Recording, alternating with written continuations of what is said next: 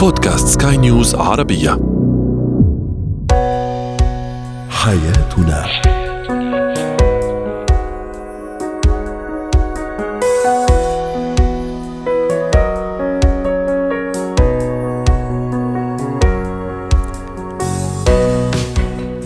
معكم آسيا البشارة أحييكم وأرحب بكم في حياتنا. نناقش شؤون حياتكم بكل تفاصيلها ومختلف مجالاتها. يمكنكم الاستماع إلينا من أي مكان وفي أي وقت عبر موقع سكاي نيوز عربية ومختلف منصات البودكاست. هو وهي. الشريك الدرامي هو حديثنا اليوم. هذا الشريك الذي يحول كل الأمور إلى دراما وقصص لا نهاية لها.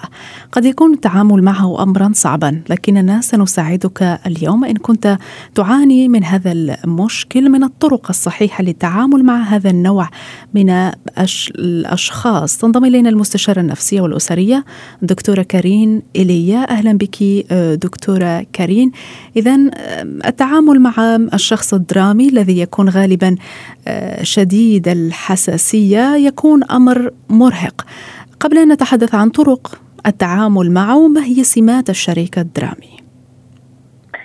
صحيح. الشريك الدرامي هو الشخص يلي دائما بده الاهتمام آه، دائما آه، مثل ما بيقولوا بيعمل من الحبة اذى أي شغلة بيعظمها بكبرها ممكن يكون ببالغ بالأشياء بشكل بيصير عم بيكذب. آه، ببعض المعلومات. دائما مصيبته أكبر من مصيبة غيره. آه، بس بده يوصف الأشياء بيستعمل تعابير فيها تكبير فيها تعظيم. آه، على طول حتى ردود فعله فيها مبالغة. مثلا إذا خبرتيه شيء شي خبر ردة فعله انفعاله يمكن بكائه بيكون بكاء هستيري ضحكه بيكون ضحك هستيري. آه التفاصيل الأساسية للأشخاص يلي بنسميهم آه، آه، أشخاص دراما أو هيك بالعامية بيقولوا drama queen. نعم. هو الشخص يلي دائما بده يضل محمول على الراحات بالاهتمام وقد ما تعطيه اهتمام ما عنده حالة شبع من هذا الاهتمام ودائما هو ضحية. دكتورة تحدثي عن ردود الفعل تكون آه، مبالغ فيها وربما هنا تكمن المشكلة أن هذا الشريك الدرامي غالبا ما يكون غير متوقع ردة فعله. بالعكس بالعكس بالاجمال وقت يكون الأشخاص بيعرفوه لشخص درامي خلص بصير مكشوف يعني بتصير ردات فعله معروفة. وحتى إذا بتكون بالأوساط آه، مع الناس عم بخبروا خبر بيقولوا اسمعوا هلأ كيف بده يجاوب شوفوا ردة فعله شوفوا كيف رح ينفعل. لا بصير مكشوف أمامهم بصيروا يعرفوا كيف بده آه، يجاوب بطريقة معظمة مضخمة آه، بيتفاعل بطريقة مش على قياس لا الخبر ولا الحدث. طيب ما الذي يجعل الشخص يصبح آه، شريك درامي؟ ما هي العوامل المساعدة التي آه، تجعل منه هذه الشخصية المبالغة في ردود الفعل؟ هلا أول شيء خلينا نقول إحنا بس نحكي عن شخص درامي نحن عم نحكي عن شخص فيه يكون شريك فيه يكون ابن فيه يكون زميل بالعمل. يعني مش بالضرورة بس ضمن إطار الزواج يتحول لشخص درامي.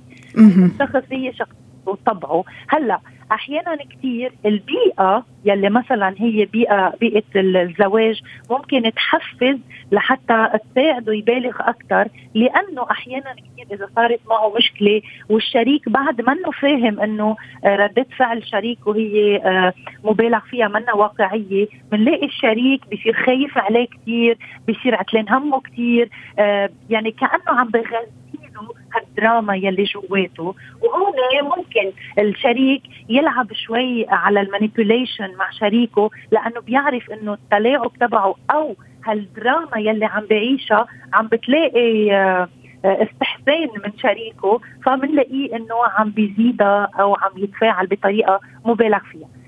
الشيء اللي بيصدوه يعني آه، وقف وقف مبالغتك خفف لي حركاتك. ليك آه، بشرفك هلا ما تحكي هالقصص. هون بيصير أكثر حذر من ردات فعله لأنه هو بس كثير الأشخاص كتار عم بينتقدوه. بيصير مدرك إنه هيدي الشغلة العالم بتعرفها. بيصير يعرف وين ببالغ أكثر من وين. طيب هل غالبا هذه الشخصيات دكتورة تعاني من التفكير يعني التفكير الزائد في الأمور حيث ممكن أن تكون هناك تصرفات عادية أو ساخرة لكن يأخذونها على محمل الجد؟ لا لا لأنه بالإجمال بالإجمال الأشخاص اللي بيكونوا دراما هيدي شغلة بيطوروها من طفولتهم عن مجموعة أسباب. اولا في شخصيات بيكون عندها استعداد للهستيريا وإلى جانب الهستيريا في شيء اسمه المسرحية أو المشهدية يلي آه، بيعملوها آه، مع الأفعال. بالإضافة أكيد للسلوكيات الهستيرية مثل ما قلنا للفت الانتباه والحاجة. مثلا بيعلوا صوتهم كثير بيعملوا حركات لحتى الناس تشوفهم. هودي من هن وصغار ممكن يكونوا عم بطوروا هيدي الشخصية. بالإضافة أكيد لأشخاص ثانيين بيصيروا آه، دراما. هن الأشخاص يلي ما تعودوا على كلمة لا بحياتهم. يعني من هن وصغار عودوهم إنه هيدي لك هيدي ملكك أنت الملك أنت الرئيس. آه اوعى تزعل. يعني بيكون في إحاطة مبالغ فيها آه للاهتمام. بصير هو يستعمل آه، هال هالتلاعب يلي حكينا عنه لحتى يستميل الآخرين. لحظة يلي بحس إنه أنا بهاللحظة ما عم بحصل على الاهتمام اللي بدي إياه وبتصير معه عادة لحد ما يكبر لحد ما يوصل آه، لمرحلة معينة. بصير هيدا هيدي آه، هويته بالتواصل مع الآخرين. مثل ما قلنا بس يلاقي إنه بتصير مطارح. آه الناس منا كشفته أو منا فاهمه إنه هيدي الدراما بتغذي له هيدي الدراما. بضل عم يتفاعل ويعيش على أساسها. مطرح يلي آه الناس بتضايق أو يمكن في أشخاص بيكون عندهم اختبار مع أشخاص تانيين دراما.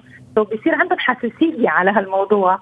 بس يصير هو دراما كثير قبالهم بصدوه بسكتوه هون بصير ينتبه أكثر على أفعاله ردة فعله طريقته بالتعاطي والتعامل.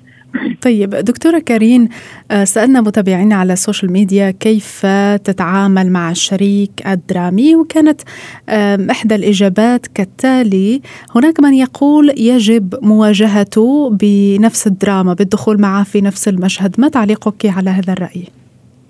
نحن دائما دائما بنقول إنه العين بالعين آه، بالمشاكل النفسية أو الزوجية هي فشل محتم لهالسبب أكيد لا.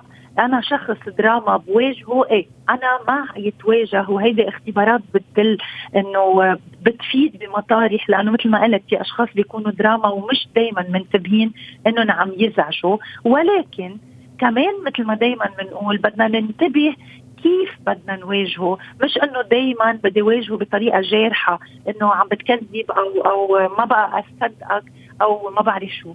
ولكن فينا نعمل كودات بين, بين الشريكين.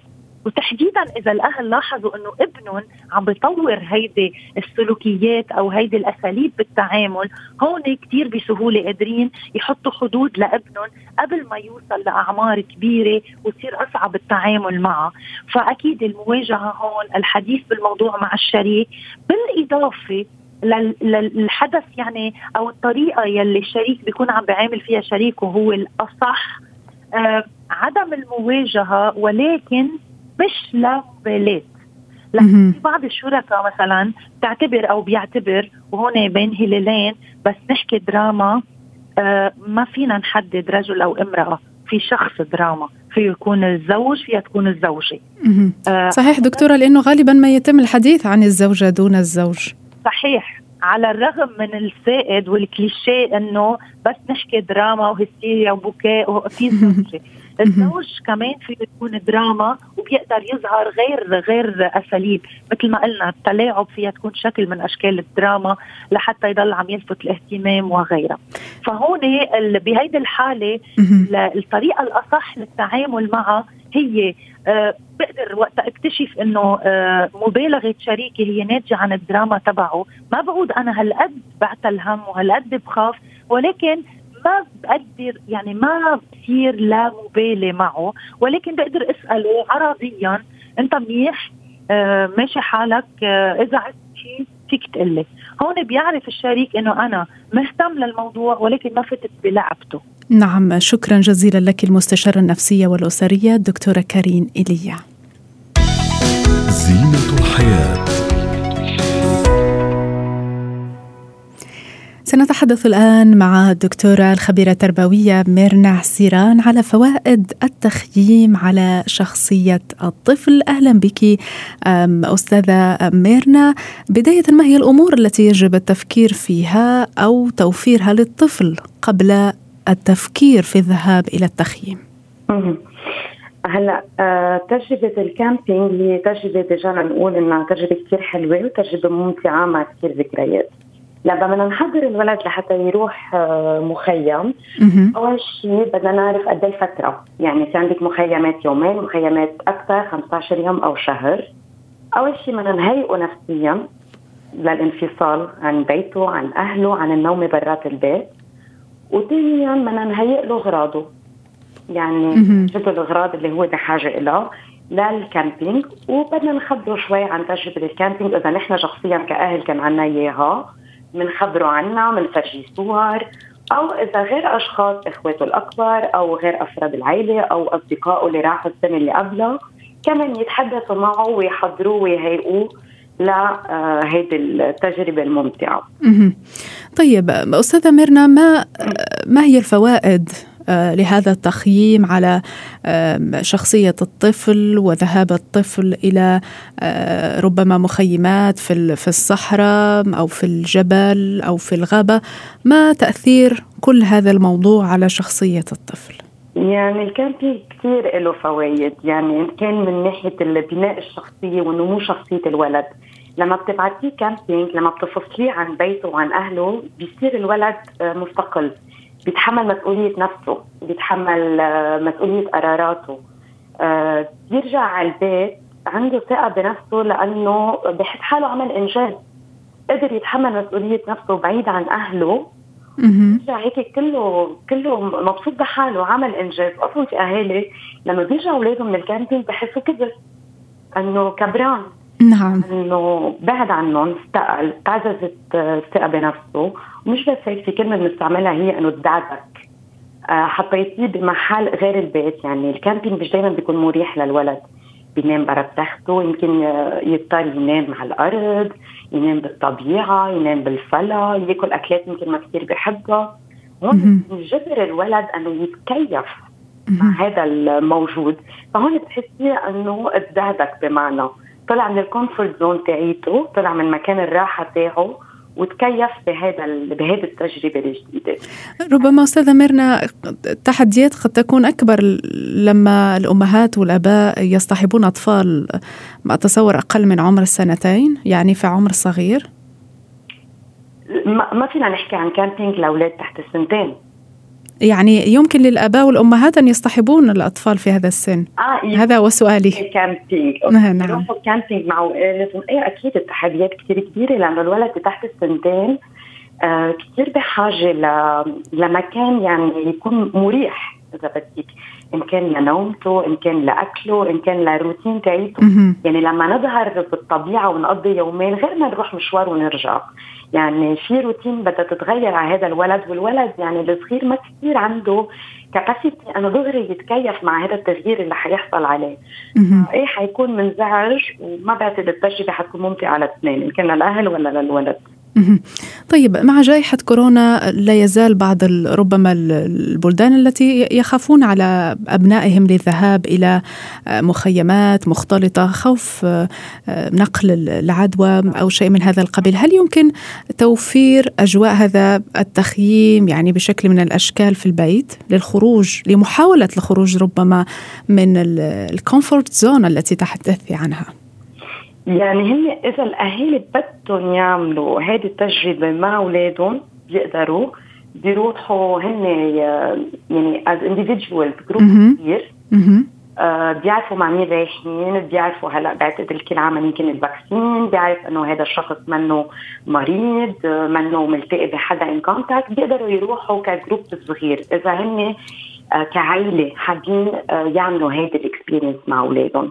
بيقدروا ليش لا؟ بيروحوا على مكان safe وبينتبهوا على حالهم يعني ابدا ما بيأثر بالعكس يعني أصلا الاتصال مع الطبيعة شيء كثير حلو شيء كثير بيغذي الروح يعني وبيغذي الفكر. الا إذا بدهم يبعتون مع المدرسة أو مع ما بعرف في جمعيات بركي بتعمل كامبينج أه بدهم يتأكدوا من الموضوع. يعني هلأ مع جائحه كورونا اللي عم نسمع انها عم ترجع تزيد الحالات الواحد يمكن بده يكون منتبه أكثر لما بده يبعثهم مع مدرسة أو مع جروبات أكثر ما يكون في أكثر. طيب أستاذة ميرنا ما هي الأنشطة التي ترين أنها ضرورية وقد تكون لها أهمية كبرى لتنمية مهارات الصغار وقدراتهم الشخصية أثناء التخييم؟ هلا آه، بال camping بعتقد في عدة أعمار فبال camping بيقسمون groupات وأعمار وكل كل نشاط وكل مهارة حسب عمر الولد. بس أكيد لازم يكون في أنشطة رياضية من درجة أولى. آه، لازم يكون في أنشطة إذا بدك sensory motor لأنه بيتصل مع الطبيعة كنت عم بقول. يعني في قصص كثير بيقدر يتعلمها ويكتشفها من الطبيعة يشتغلوا عليها. قصص scientific آه، بيقدروا يتعلموها من الطبيعة آه، يعملوها. وأكيد أكيد يعني بآخر النهار فيهم يعملوا قصص كثير relaxing للولد هيك يرجع للهدوء ويقعدوا بالليل ينبسطوا. يعني مش كل شيء كمان بده يكون نشاط وتعليم كمان فيهم بالليل يقعدوا ينبسطوا مع بعضهم تتعزز الصداقات هون بيتعرفوا بيتعرفوا على غير أولاد بيصير في صداقات جديدة. كلها كلها اكتشافات وكلها كلها تعليم إلي جميل. شكرا جزيلا لك الخبيرة التربوية الأستاذة ميرنا عسيران. مهارات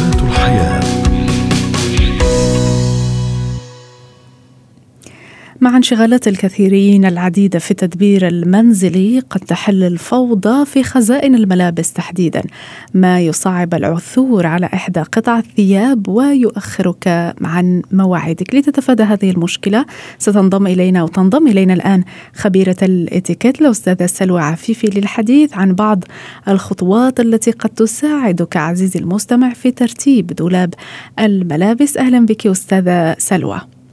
أهلا وسهلا أستاذتي الفاضلة. فعلا موضوع مهم خاصة مع تغير الفصول. صحيح. طيب هل هناك طريقة ليظل خزانة الملابس منظمة؟ يعني طبعا. أو لنقول لمدة طويلة يعني. لمدة طويلة فعلا.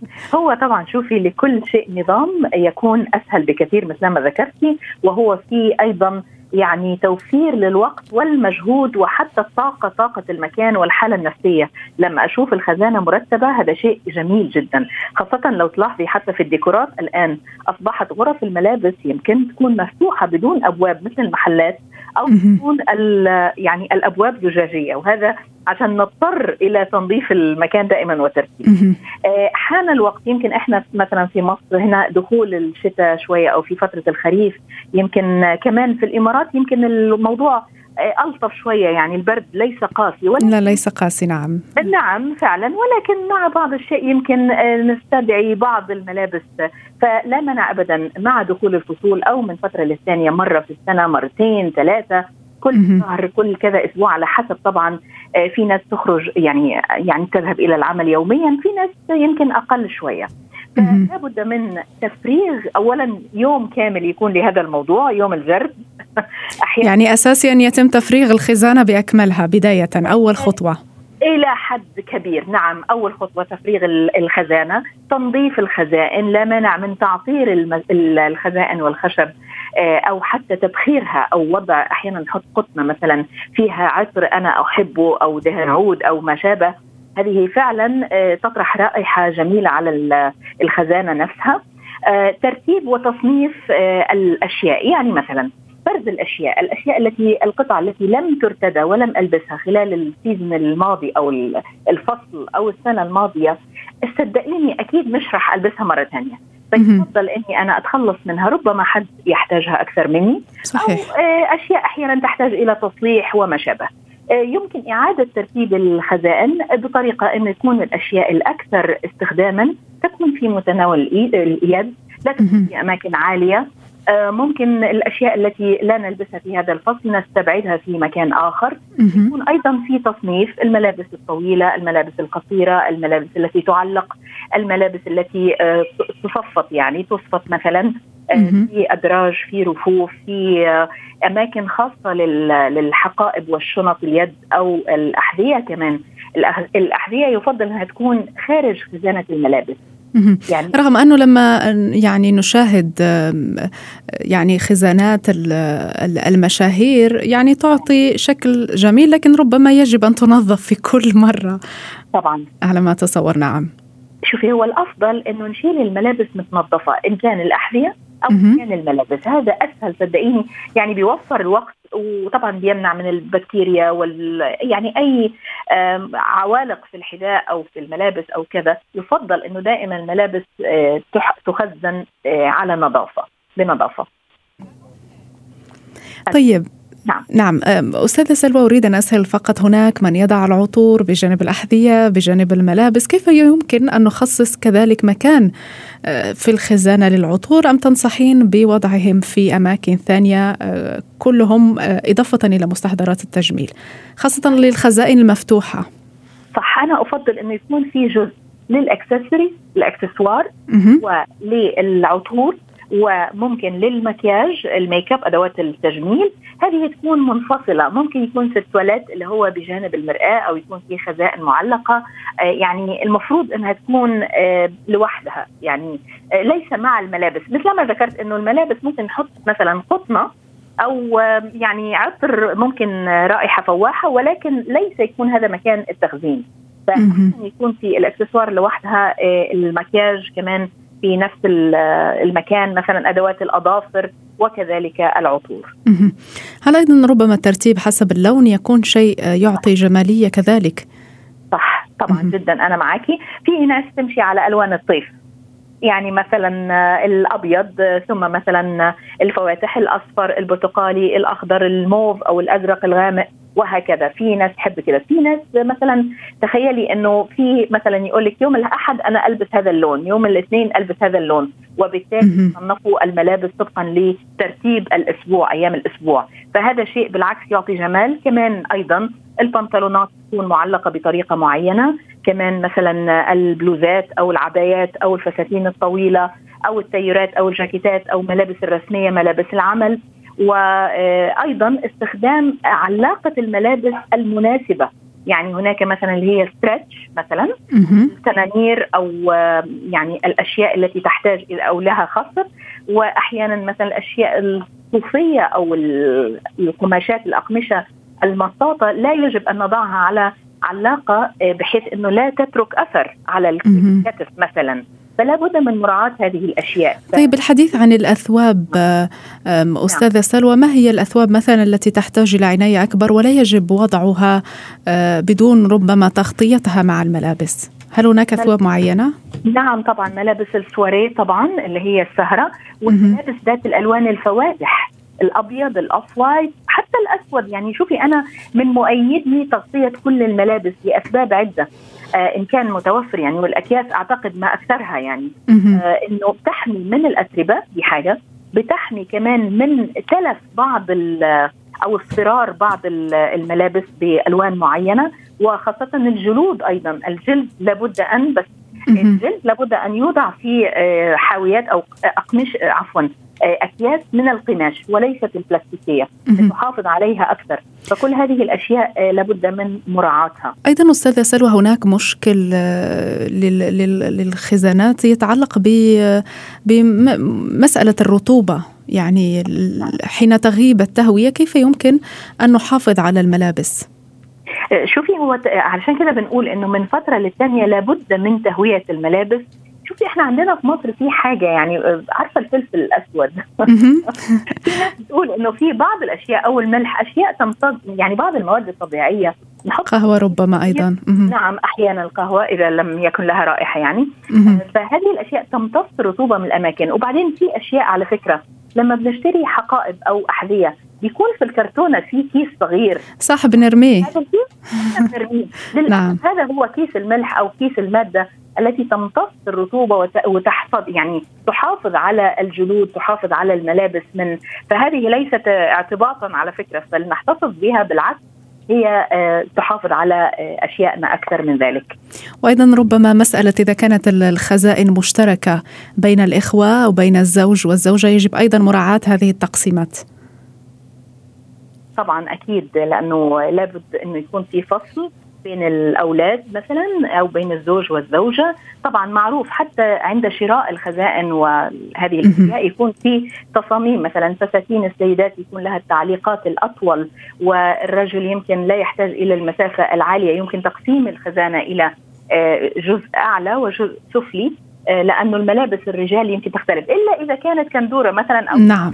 أو الثوب طبعا هذه لها أيضا خزائن خاصة. خزائن خاصة نعم. طبعا. فكل شيء يكون آه، يعني مقسم على حسب احتياجات الأسرة. نعم شكرا جزيلا لك خبيرة الاتيكيت الأستاذة سلوى عفيفي حياتنا. ختام حياتنا إلى اللقاء.